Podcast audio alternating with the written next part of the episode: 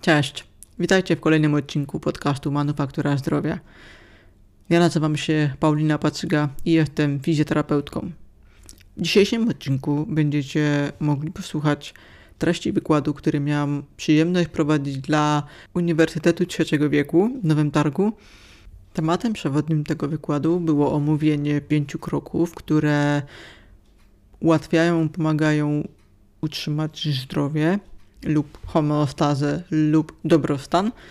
Myślę, że wyszło ciekawie i nie jest to treść przeznaczona tylko dla osób powyżej powiedzmy 60 roku życia. Zachęcam Was do odsłuchania tego podcastu, a w opisie tego odcinka jest link do prezentacji, którą przedstawiałam na wykładzie, więc można sobie zawsze rzucić okiem e, podczas słuchania odcinka, chociaż e, na tym pokazie slajdów są głównie hasła, nie ma żadnej treści, żeby nie odciągać uwagi słuchaczy. Zapraszam do słuchania. 5 kroków do zdrowia. Rola nawyków w utrzymaniu dobrostanu. Na początku tego odcinka chciałabym Cię zapytać, drogi słuchaczu, droga słuchaczko, czym jest dla Ciebie zdrowie? Według Światowej Organizacji Zdrowia zdrowie jest dobrostanem psychicznym i fizycznym. I można byłoby rozwinąć dalej tę e, wypowiedź, ale nie o to mi chodzi, bo każdy ma swoją definicję zdrowia. I na pewno na jej określenie można, no składa się e, przede wszystkim zdrowie fizyczne, czyli brak bólu, y, jest to sprawność, jest to zdrowie psychiczne, czyli niezbyt duża ilość stresu, zadowolenie z życia itd. Tak Często są jednak e, pomijane wartości życia w społeczeństwie, korelacji e, międzyludzkich, które wbrew pozorom mają bardzo, bardzo, bardzo duży wpływ na na nasze funkcjonowanie w społeczeństwie, a jeżeli to funkcjonowanie w społeczeństwie jest dobre, to wtedy też prawdopodobnie nasze zdrowie e, no, jest w lepszym stanie niż by było, gdybyśmy nie odnajdywali się e, w miejscu, w którym aktualnie przyszło nam żyć. Drugim ważnym aspektem, który chcę podkreślić na samym początku, jest takie zdanie, które widzę oczyma wyobraźni i które brzmi następująco. Zapomnij o tym, co było. Chciałbym, żeby dbanie o zdrowie wyniknęło z Twojej wewnętrznej, naturalnej potrzeby, a nie z tego, że Ty pamiętasz, w jakim stanie było Twoje ciało między 15, 20 i więcej lat temu. Gdybym założyła, że średnia, średni wiek słuchaczy tego podcastu jest mm, około 60 lat życia, choć wiem, że jest nieco niższy, nawet znacznie niższy, ale na potrzeby tego odcinka trochę sobie zabierze statystyki, to dekada życia, w której mm, każdy słuchacz mógłby powiedzieć, że miał największe osiągi, największą siłę, największą sprawność, e, największe możliwości, no to była trzecia dekada życia do powiedzmy tam piątej dekady życia, czyli między 20 a początkiem lat 50. E, lat życia. Czyli jeżeli masz teraz 60 lat, to to było 20 lub 40 lat temu. Zależy, którą dekadę masz na myśli. To wbrew pozorom jest bardzo dużo. I myślę, że doskonale również wiesz, że Twoje ciało nie jest takie, jak było 15 czy 20 lat temu. Jeżeli jest w lepszym stanie, to tylko mogę Ci pogratulować, że jest to wynik Twojej pracy, jaką wkładasz w utrzymanie dobrostanu swojego ciała. Natomiast Wiem, że raczej um, pogorszenie sprawności naszego ciała i umysłu raczej wynika z naszych zaniedbań, ale niech pierwszy rzuci kamieniem, kto nigdy nie zgrzeszył. i nie mam zamiaru Wam wytykać y, Waszych błędów, bo to, że je wykonywaliście mniej lub bardziej świadomie, na pewno było uwarunkowane z różnych powodów, z różnych przyczyn. Chciałabym teraz się skupić na tych pięciu krokach, które pozwolą Wam zadbać o swoje zdrowie, o ten swój dobrostan, o tą swoją homeostazę. Na emeryturze to z nudów się chodzi wcześniej spać i tak dalej. Ale doskonale wiem, że nie zawsze tak y, bywa, ale też miałam y, takie wskazówki przygotowane moich notatkach. Więc pierwsza sprawa, jeżeli masz tendencję do drzemek w ciągu dnia, to ogranicz je lub przestań je robić jeżeli masz podejrzenie, że one wpływają na jakość Twojego snu wieczorem. Jeżeli jesteś osobą, która lubi sobie pracować w nocy i dlatego to odsypia w ciągu dnia, no to trzeba powiedzieć, że odsypianie tego w ciągu dnia wcale nie ratuje jakby sumy godzin snu, które przeznaczone są w ciągu doby yy, na sen, ponieważ sen sam w sobie powinien być w nocy, ponieważ jest to nasza regeneracja.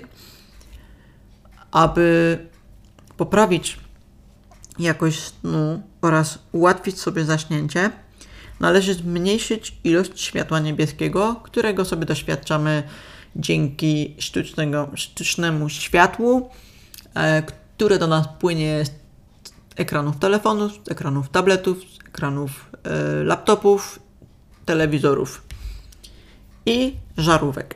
Unia Europejska nam zagwarantowała bezsenność Y, powodowaną mm, zaśmieceniem, że tak powiem, niebieskim światłem, zanieczyszczeniem właściwie, nie zaśmieceniem, e, dzięki czemu mamy właśnie trudności z zaśnięciem. Więc jeżeli mamy taką możliwość, to na około dwie godziny przed snem, to jest takie minimum, powinno się odstawić e, te właśnie elektroniczne sprzęty, które generują niebieskie światło. Nawet jeśli w niektórych telefonach, laptopach i innych urządzeniach elektronicznych jest opcja, że ten ekran zmienia trochę barwę, staje się bardziej żółty, e, no jest udowodnione, że to tak niespecjalnie pomaga, chyba tylko bardziej działa na naszą psychikę. Jeżeli chodzi o nasz mózg, to nie do końca ta zmiana barwy jest zbyt znikoma, żeby ona miała wpływ na to, co się dzieje w naszym mózgu. Patrząc na to, jak wygląda dzień, poranek, środek dnia i koniec dnia, to mamy taką, takie spektrum światła, które się zaczyna ciepłym światłem, później jest takim ostrym, intensywnym światłem i kończy się znowu takim ciepłym światłem. I to ciepłe światło na początku dnia ma nas wybudzić po prostu z ciemnej nocy. E, przez powieki zaczynamy widzieć, że dzień się zaczyna i mózg przestaje produkować melatoninę, melatoninę dzięki czemu jesteśmy w stanie się obudzić. Następnie w ciągu dnia mamy bardzo mocne i ostre światło, które właśnie ma utrzymać nasz poziom energii na wysokim poziomie. Następnie, e, jeżeli zbliżamy się do zachodu słońca, to to światło jest przyjemniejsze dla oka o barwie żółtej, pomarańczowej, która z kolei znów przygotowuje mózg do produkcji melatoniny, która nam z kolei ułatwia zasypianie. Jeżeli nie mamy ekspozycji na światło słoneczne, przynajmniej nie w takiej ilości, w jakiej powinna ona być, to kończy się to tym, że siedzimy non-stop otoczeni sztucznym światłem, niebieskim światłem, zimnym światłem o charakterystyce zimnej. E, oznacza to, że mamy zaburzoną e, produkcję melatoniny w mózgu, dzięki czemu nie możemy zasnąć, albo przez to nie możemy zasnąć. Poniekąd łączącą się Przyczyną, dla której nie możemy zasnąć, jest zbyt duża ilość bodźców, jaką sobie sami sobie dostarczamy. I mam na myśli tutaj bodźce, które sobie sami strumieniujemy z telewizji, z internetu, z rozmów telefonicznych prowadzonych późnym wieczorem, które nas ożywiają. Jeżeli chodzi o korzystanie z takich mediów jak właśnie telewizor, internet, Facebook, e, to tutaj oprócz niebieskiego światła jest są dwa aspekty, dla których możesz tak dziać, że czujemy się pobudzeni. Pierwszy aspekt to jest to, że mamy wtedy bardzo skupiony wzrok. W dawnych czasach, czasach prehistorycznych, kiedy człowiek jeszcze nie był aż tak mądry, jak jesteśmy teraz, e, skupiony wzrok oznaczał to, że on jest na polowaniu i szuka czy to zwierzyny, czy jakiegoś tam jedzenia, które się nadawało do jedzenia i musiał wytężać wzrok. Był on kupiony na jednym punkcie, był ostry i to powodowało, że to e, pobudzało nasz mózg, dzięki czemu nie mogliśmy zasnąć w trakcie polowania i dzięki czemu dziejemy do dziś, ponieważ no, mamy tam jakąś mieszankę genetyczną przekazaną przez nasze, naszych przodków. Oprócz skoncentrowanego wzroku, poprzez stosowanie tych yy, bodźców telewizyjno-internetowych lub rozmowy telefoniczne, yy, wywołujemy sobie też skoncentrowany umysł. I tutaj jest takie mocno streszczone określenie, ale chodzi o to, że telewizja i media społecznościowe są stworzone tak, aby ciągle skupiać naszą uwagę, aby wywoływać w nas poczucie, że musimy coś oglądać, inaczej ominiemy jakieś ważne sprawy i bez tego się świat zawali. No nie zawali się. A jednak wciąż jesteśmy przyzwyczajeni do tej dawki informacji, do tej dawki oglądania, że ktoś tam z naszych znajomych ma lepsze życie lub gorsze i sobie to przeżywamy na, na swój sposób, nawet sobie nie do końca tego zdając sprawę. Teraz kolejnym krokiem, który może prowadzić do poprawy jakości snu, jest kolacja, którą należy spożyć na 3 do 4 godzin przed pójściem spać. I jeszcze, żeby było lepiej, to ta kolacja powinna być węglowodanowa. Dlaczego? Dlatego, że jeżeli zjemy sobie zbyt dużo węglowodanów, to mamy taki nagły skok energii, tylko ten skok energii jest krótki. I nagle po tym zakończeniu się tego paliwa, które jest takie mało wydajne, następuje pik energetyczny, e, no i zaczyna nam się chcieć spać. I ten fakt należy wykorzystać właśnie e, w celu polepszenia jakości snu lub e, ułatwienia sobie zaśnięcia. Kolejną sprawą jest codzienna dawka świeżego powietrza czyli mam tu na myśli aktywności fizyczne, spacery o dużej intensywności na nasze możli- miarę możli- naszych możliwości. Czyli nie każę Wam biegać, ale też tak, żeby ten spacer był bardziej marszem niż y, spacerem kontemplacyjnym, ponieważ oprócz tego, że mamy codzienną dawkę świeżego powietrza, wystawiamy się również na światło słoneczne. Regulacje i wpływ światła słonecznego na nasz mózg już wcześniej omówiłam, więc nie będę się powtarzać, ale jest to bardzo istotne. A jeśli chodzi o kolację, to można w niej zawrzeć produkty, które wspierają zasypianie. Do produktów ułatwiających zasypianie możemy zaliczyć tryptofan, który jest aminokwasem, którego organizm nie może sam wytworzyć, więc należy go dostarczyć wraz z pożywieniem a ów tryptofan możemy znaleźć w bananach lub na przykład mleku. Rolą tryptofanu jest produkowanie lub wspieranie procesu wytwarzania melatoniny. Melatonina oprócz tego, że ma właściwości ułatwiające zasypianie, wpływa również na regulację rytmu okołodobowego. Kolejnym produktem e, są witaminy z grupy B, które są zawarte w zbożach, produktach zbożowych pełnoziarnistych, ale witamina B występuje również w soku z wiśni.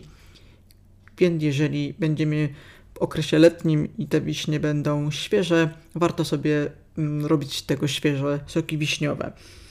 Kolejnym elementem, który będzie łatwo wdrożyć do diety, y, zwłaszcza w takiej jesienno-zimowej porze roku, jest y, kiwi, ponieważ kiwi zawiera serotoninę, a serotonina jest hormonem szczęścia. Jednak e, hormon szczęścia to nie tylko to, że jesteśmy szczęśliwi i latamy pod sufitem e, z radości, ale to jest też e, taki hormon, który sprawia, że mamy poczucie dobrze spełnionego zadania i możemy zasłużyć na odpoczynek. Osobną sprawą jest sen u osób starszych, który, który jest e, innej jakości niż u osób młodych. Jest on płytszy, na domiar tego, że mamy mniej obowiązków, chociaż nie tyczy się to każdego, ale jednak zdarza się, że mamy mniej obowiązków, mniej takiego stresu związanego z pracą czy tam innymi wydatkami, które mają raczej osoby młodsze, posiadające dzieci. E, no możemy sobie pozwolić na więcej luzu i ten luz często właśnie się kończy tymi drzemkami, o których już też wspominałam. Może być też tak, że nabyte choroby e, typu nadciśnienie tętnicze lub problemy z utrzymaniem moczu e, zaburzają nam sen poprzez to, że na przykład no, musimy częściej w nocy wstać, by e, się wysikać.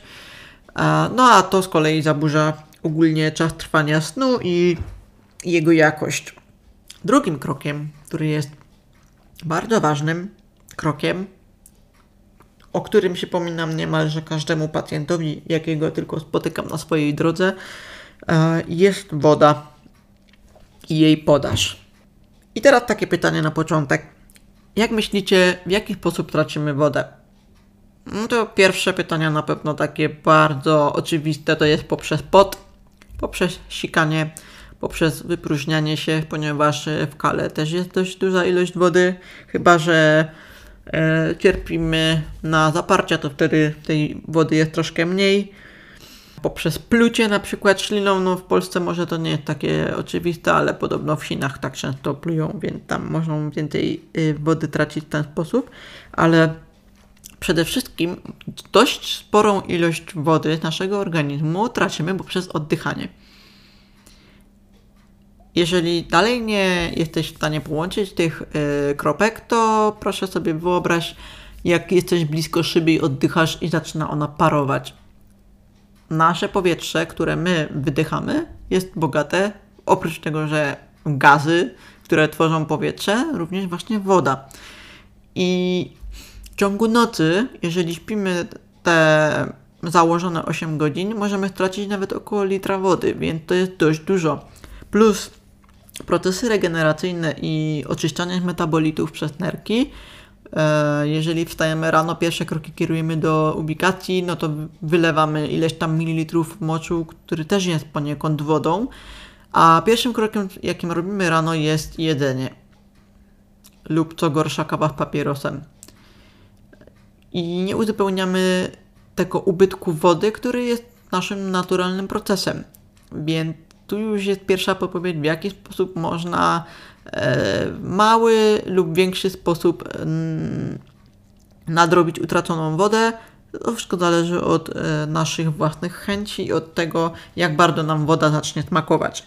Ile powinno się pić wody? Przyjmuje się, że 30 ml na każdy kilogram masy ciała to jest taka uśredniona wartość do wody, jaką powinniśmy wypić. Więc każdy z nas wie, ile waży, więc tę wartość sobie proszę pomnożyć przez 0,3 i wyjdzie ilość wody w litrach, jaką powinno się wypić na dzień. Przy czym ja do niedawna byłam taką purystką wodną i mówiłam, że picie wody to jest picie wody, a nie picie herbaty, picie kawy, picie napoi i tak dalej.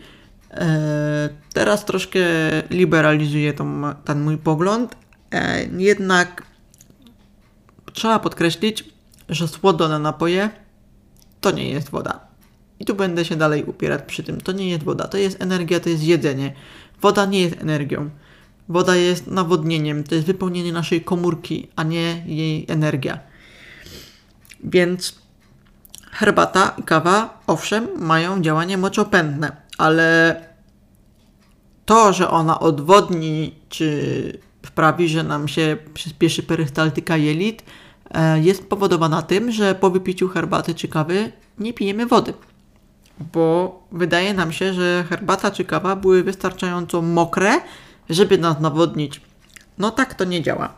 Ale e, warto pić różne napary czy jakieś zioła, przy czym trzeba wziąć pod uwagę fakt, że niektóre te właśnie napary e, są też moczopędne lub odwadniające, e, więc akurat te zioła nie będą się wliczały e, w ilość płynów, jakie spożywamy w ciągu doby. Takim fajnym pomysłem na to, aby ta woda zasmakowała, bo niektórzy mówią, że po prostu nie lubią pić wody. Więc ja zawsze mówię, że to proszę spróbować pić ciepłą wodę. Tym bardziej, że no tak jak teraz mamy okres powiedzmy przedwiośnia. I no ta woda to nie jest coś, o czym my myślimy od razu, nie? E, raczej kawa, herbata, bo to jest ciepłe, nas rozgrzeje. Więc nie ma żadnego problemu w tym, żeby pić wrzątek. Nawet według medycyny chińskiej picie wrzątku jest dobre, zarówno do naszej termiki e, ciała, jak i jakiegoś tam zapasu energii, no i przede wszystkim nawodnienia. Do wody można dodać cytrynę lub sól e, jakiejś dobrej jakości. Często się mówi o kłodawskiej albo o himalajskiej, ale to jest dosłownie szczypta, czyli nie powinniśmy czuć smaku tej soli, bo, bo to też niedobrze wpływa za bardzo na żołądek, jeżeli ktoś ma różne problemy żołądkowe. Natomiast unikajmy soków, bo, bo soki to już jest raczej fruktoza lub nawet zwykły cukier i no to niestety jest traktowane przez nasz żołądek jako jedzenie. Picie wody, oprócz tego, że wspomaga obniżenie stanu zapalnego poprzez e, nawodnienie właśnie naszych komórek, poprzez to, że jeżeli mamy stan zapalny, to często jest w tym rejonie reakcja, że tak powiem, napotna. Najczęściej taką e, najbardziej znaną e, reakcją gorączkową jest gorączka właśnie i wtedy mamy też przede wszystkim dolegliwości typu pocenie się. Wtedy więc warto uzupełniać płyny, w chorobie warto wypijać właśnie ciepłe płyny, a nie gorące, ani zimne, tylko ciepłe, które pomagają właśnie proces walki ze stanem zapalnym. Picie wody pomaga również zmniejszanie ilości spożywanych posiłków. W obecnych czasach mamy taki łatwy dostęp do jedzenia, że często zdarza się, że jemy ich po prostu za wiele. Kolejnym krokiem, który będę omawiać, jest dieta. Przy czym nie zrozumcie mnie źle, co ja mam na myśli mówiąc dieta. Nie każę każdemu iść do dietetyka, e, bo to nie tędy droga. Jednak słowo dieta jest dla mnie takim dość szerokim pojęciem, a ten temat jest bardzo szeroki. Jest potężny, jest tak wielki, że można o nim gadać tygodniami i jeszcze się nie wykończy e, temat. Jednakże ja nie jestem dietetykiem, tylko fizjoterapeutą i jednak interesuje mnie temat dietetyki ze względu na walory zdrowotne oraz na to, co możemy osiągnąć właśnie dzięki produktom spożywczym, które e, wchłaniamy każdego dnia. Więc weźmy sobie na potrzeby tego podcastu. Przyjmijmy, że dieta to nie jest to coś, co nam się kojarzy z odchudzaniem Dieta to jest e, odżywianie się, a nie tylko karmienie się.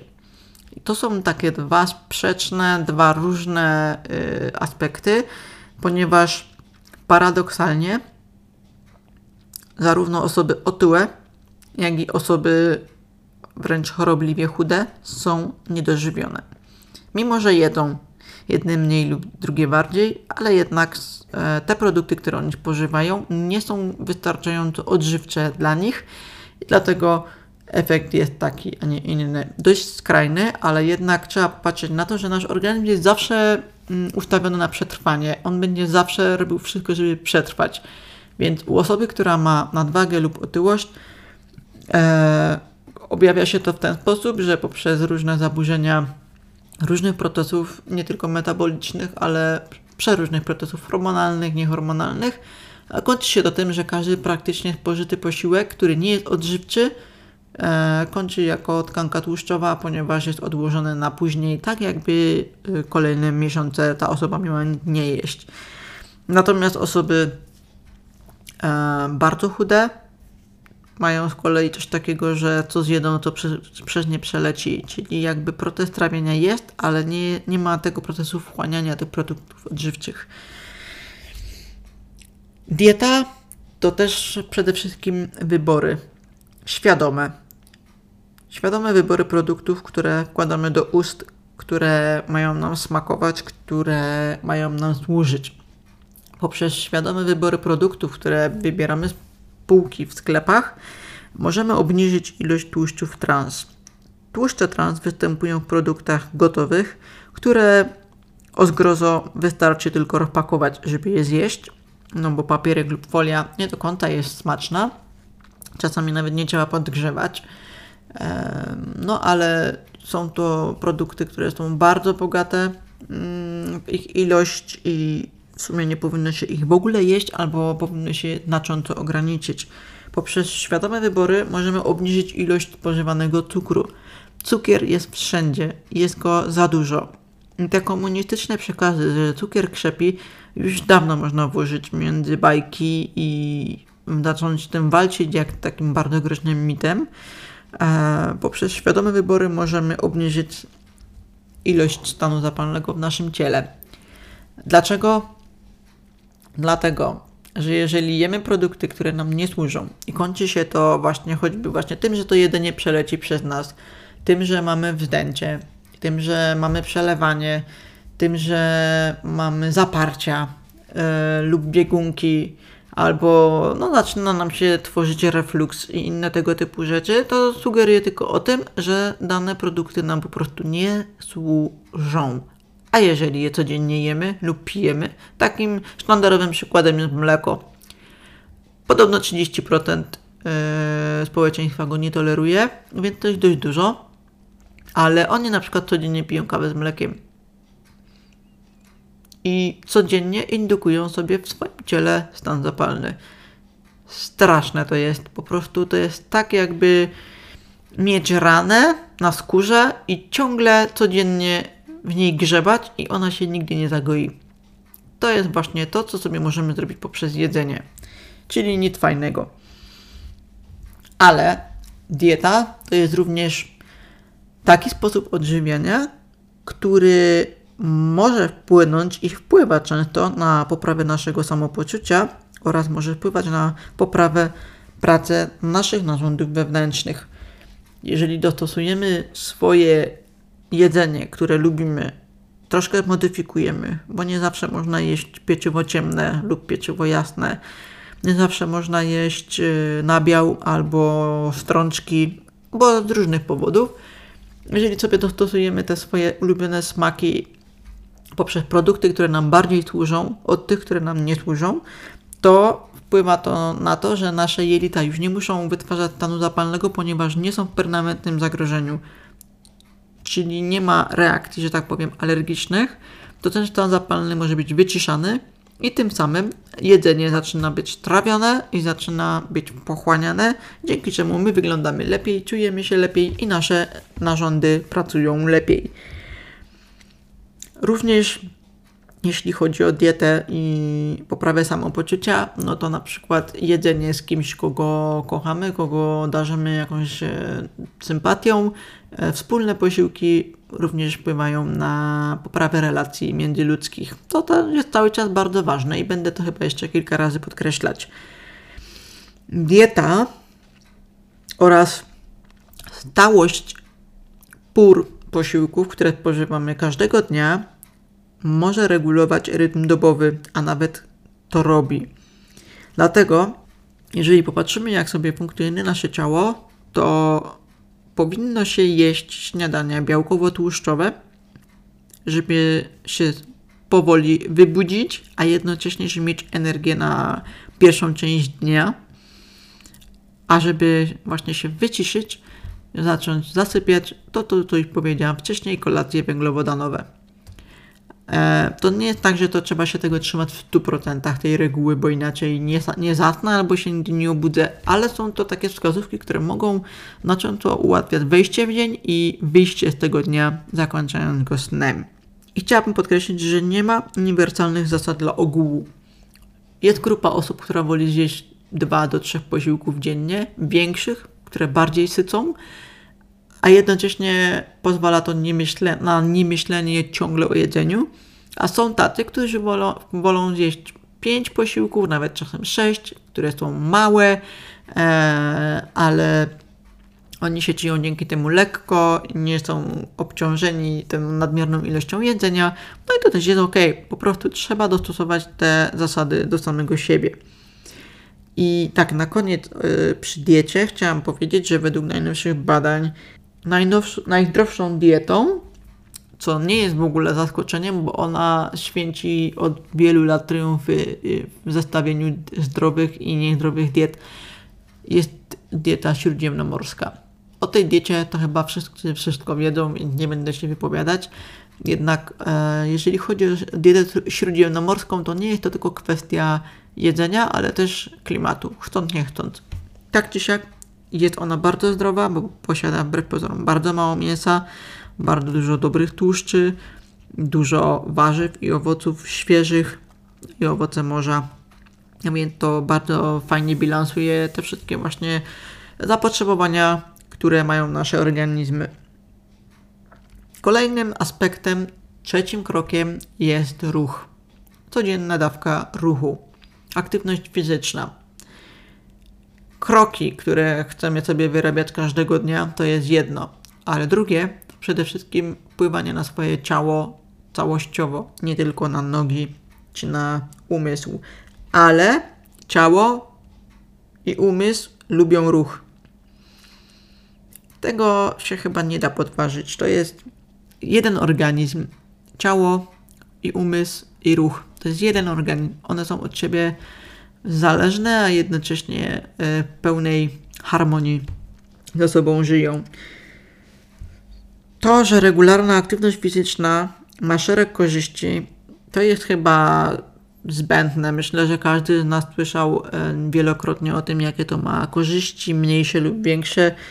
No ale przykładowo takie aerobiczne, aerobowe ćwiczenia czy aktywności fizyczne typu rower, marszobiegi, pływanie obniżają na przykład ciśnienie krwi, poprzez ruch naszego całego ciała możemy poprawić perystaltykę jelit.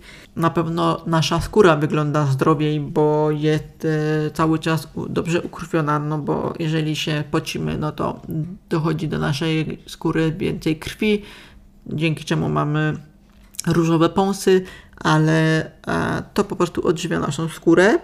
Przede wszystkim też ruch dobrze wpływa na nasze kości i stawy na które nie możemy patrzeć tylko pod kątem ruchowym, choć tak się nam kojarzą, że to wieszak na nasze mięśnie i skórę, no to jednak w naszych kościach y, produkuje się szpik kostny, y, z którego z kolei jest produkowana krew, więc to jest też bardzo ważny aspekt. Nie wiem jak wy, ale w trakcie aktywności fizycznej często wpadają nam różne pomysły do głowy jakieś rozwiązania problemów, z którymi próbujemy się mierzyć, jakiś pomysł na prawie szafki albo na jakąś pracę, e, coś nowego wymyślonego, coś dla wnuka, coś dla siebie i tak dalej. Czyli ruch i aktywność fizyczna to jest taka wylęgarnia pomysłów. A im bardziej mam aktywny mózg, tym mniej się starzejemy albo wolniej się starzejemy. Kolejną sprawą, jeśli chodzi o ruch, jest fakt, że często uprawiamy aktywność fizyczną w towarzystwie, czyli znowu relacje międzyludzkie. Dzięki aktywności fizycznej one są zadbane na takim poziomie, jaki nas zadowala, dzięki czemu czujemy się zdrowi i potrzebni. Kolejną sprawą, która znów się powtórzy, na szczęście, jeżeli uprawiamy aktywność fizyczną ruchową na świeżym powietrzu, to mamy ekspozycję na słońce. Im więcej ekspozycji na słońce, tym lepiej dla naszego układu nerwowego, bo to reguluje bardzo wiele procesów w naszym mózgu, jak i w tym, że oprócz tego, że właśnie produkcja witaminy D, przy czym tu jest długi temat, ponieważ 15 minut nie wystarczy. Jeżeli chodzi o ekspozycję na światło słoneczne, to żyjemy na takiej szerokości geograficznej, na której mamy przynajmniej trzy pory roku, więc zima jest taką, która trwa dość długo. Mamy też ekspozycję na niską temperaturę, co jest wbrew pozorom bardzo zdrowe dla naszego ciała, pod warunkiem, że nie jesteśmy szczelnie opatuleni, no bo wtedy ta ekspozycja na niewiele się daje. Kolejnym takim e, ostatnim właściwie punktem jest takie moje pytanie, co robimy, jeżeli czujemy, jak się zbiera w nas skumulowana zła energia, jesteśmy wściekli albo nas roznosi, co robimy wtedy? Kobiety na przykład często sprzątają lub gotują, ale najczęściej sprzątają. Faceci też mogą coś tam yy, pomajsterkować, ale generalnie zwracamy się ku ruchowi, żeby przenieść naszą uwagę na czynności manualne lub ruchowe, żeby nie myśleć o tym, co nas gnębi, żeby wyrzucić siebie poprzez pracę fizyczną właśnie te tłumione wewnątrz emocje. Więc ruch to zdrowie. Bo ruch to jest zdrowie, tylko sport to nie jest zdrowie. Więc tu trzeba e, to rozdzielić, ponieważ e, często się mówi, że gdyby kuska nie skakała, to by nóżki nie włamała i takie tam inne rzeczy. Ale umówmy się, no, mało kto łamie nogi za każdym razem, jak pójdzie pobiegać. Może się tak zdarzyć, chwila nieuwagi, ale po prostu czasami te wypadki są po to, abyśmy się zatrzymali i zastanowili, co nam dała ta przerwa przymusowa, na którą początkowo nie mamy zgody, a później, jeżeli do tego podejdziemy rozsądnie, to wyciągniemy z niej najlepsze rzeczy. I ostatnią rzeczą, najważniejszą, która scala poprzednie cztery kroki, która jest kwintesencją, bez której te kroki, o których mówiłam, czyli ruch, picie wody, dieta, sen, właściwie nie mają racji bytu. To jest nawyk, to jest rutyna, to jest regularność. Bez tej cechy nasz ruch, który jest raz na miesiąc, nasze zdrowe odżywianie, które jest tylko w piątki, bo wtedy pościmy, przykładowo, mm, nasz scen, który ciągle zaburzamy, ponieważ e, idą jakieś e, ciekawe teleturnieje w telewizji, które są przeciągane na e, cztery części i kończą się o 23. Na to, że nie pijemy wody, bo nie mamy ze sobą butelki, bo nie mamy takiego nawyku. Na nic się da. Dadzą te mm, porady, te podpowiedzi, w jaki sposób można sobie poprawić jakość życia. W nawykach tkwi klucz do sukcesu. U osób młodych prowadzenie nawyku daje efekty już tak po około 10 do 14 dni, ale oni też mają troszkę krótsze procesy regeneracyjne, bo jeszcze nie zdążyli sobie zepsuć tak ciał, jak robią to, jak to zrobiły osoby, które już mają trochę więcej lat w danym momencie. Nie ma dobrego snu bez nawyków go poprzedzających, czyli pamiętamy o zmniejszaniu ekspozycji na światło niebieskie, zwiększaniu ekspozycji na światło słoneczne, odsunięcie od mediów społecznościowych, telewizji, radia i rozmów telefonicznych późnym wieczorem, o na przykład tej kolacji węglowodanowej, to są wszystko nawyki. To jest coś, co jeżeli wdrażamy codzienne nasze aktywności, ma szansę zadziałać i przynieść pożądany efekt. Nie ma dobrego trawienia bez regularnych posiłków. Nasze jelita kochają regularność. Każde odstępstwo od normy kończy się tym, że mamy na, najczęściej na przykład zaparcia, albo jeżeli zjemy coś, co nam ewidentnie nie służy, no to się kończy to różnymi sensacjami. Regularność dla naszych jelit ponad wszystko. Zresztą to też jest tak, że mamy po prostu wytworzone e, takie drogi e, przyczynowo-skutkowe w naszym mózgu i on wie, że zbliża się godzina ósma, to zaczyna się lekkie stanie w żołądku, e, następnie poprzez e, drogę wzrokową zaczyna się proces trawienia, bo widzi, że szykuje się jedzenie, czyli wzrok, zapach e, powodują, że w naszym żołądku zaczyna się wytwarzać większa ilość kwasu żołądkowego, która ma przygotować pokarm do dalszego trawienia itd. Tak itd. Tak Nie ma nawodnionego ciała bez regularnego nawyku picia wody lub jakichś tam różnych naparów, które nie są odwadniające. No jeżeli nie będziesz mieć tej wody przy sobie pod ręką, to jej nie będziesz pić, bo jej nie będziesz widzieć. Tak samo teoretycznie e, są jakieś na przykład imprezy, gdzie jest wiele osób, mamy na stole kole, której na co dzień nie pijemy, soki i tak dalej, ale jeżeli je mamy przed sobą, no to będziemy to pić jeżeli ktoś nam podstawi przed sobą paluszki lub czekoladę, no zależy czego jesteśmy wielbicielami, to będziemy to jeść, mimo że w domu tego nie mamy i tego unikamy. Także ekspozycja na widok wody równa się zwiększone jej spożycie. Nie ma prawnego ciała bez nawyku regularnego ruchu. Często mamy tak zwane nie chce mi się. O ile raz na jakiś rzadki czas można się faktycznie poddać temu nie chce misiowi, o tyle codzienne poddanie się temu niechcemiczowi kończy się tym, że nie mamy regularnej aktywności ruchowej. Aktywność regularna kończy się tym, że to jest nam potrzebne, że czujemy się dobrze, że nasze ciało jest przygotowane do takiego ruchu, do takiej aktywności, dzięki czemu e, może być tak, że wiele różnych aktywności nas nie zaskoczy. Tak samo jak nie ma przyjaźni bez regularnych kontaktów. Nawet jeśli te rozmowy są rzadkie, powiedzmy tam raz na dwa tygodnie, raz na miesiąc, ale łączy Was pewna nić, to musicie o nią dbać, nawet tym rzadkim telefonem, ale jednak. Więc tu też jest nawyk, tu też jest regularność. Tutaj tkwi zarówno prostota, jak i trudność, ponieważ, tak jak powiedziałam, te kroki są proste i one nie nastręczają zbyt wielu trudności, ale przez to, że wydają się nam proste, to nie będziecie chcieli tego próbować. Dlatego moim wyzwaniem jest zachęcić Was do tego, żeby wdrożyć te proste kroki do swojego życia i oczywiście nie wszystkie na raz. Eee, dajcie sobie czas, ponieważ zmiany to nie jest coś, co my to lubimy z punktu widzenia psychologicznego.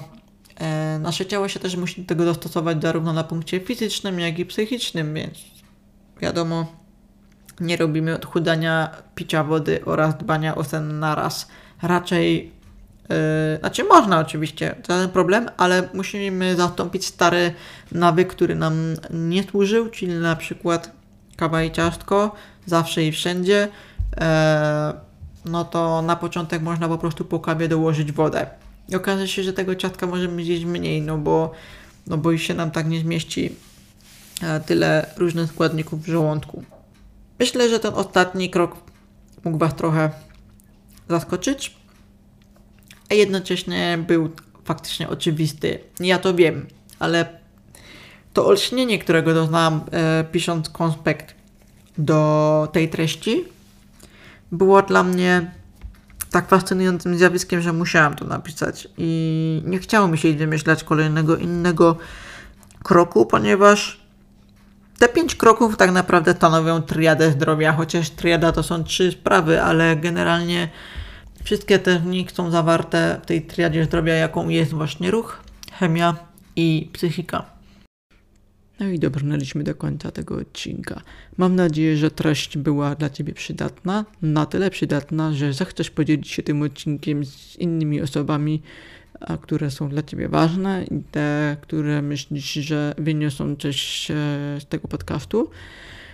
Zachęcam również do subskrybowania mojego kanału podcastowego oraz wystawienia opinii lub oceny, ponieważ to znacząco wpływa na e, pozycjonowanie odcinków podcastu i jest to dla mnie taka wymierna ocena za pracę, którą wkładam w tworzenie tych treści. Do usłyszenia w następnym odcinku.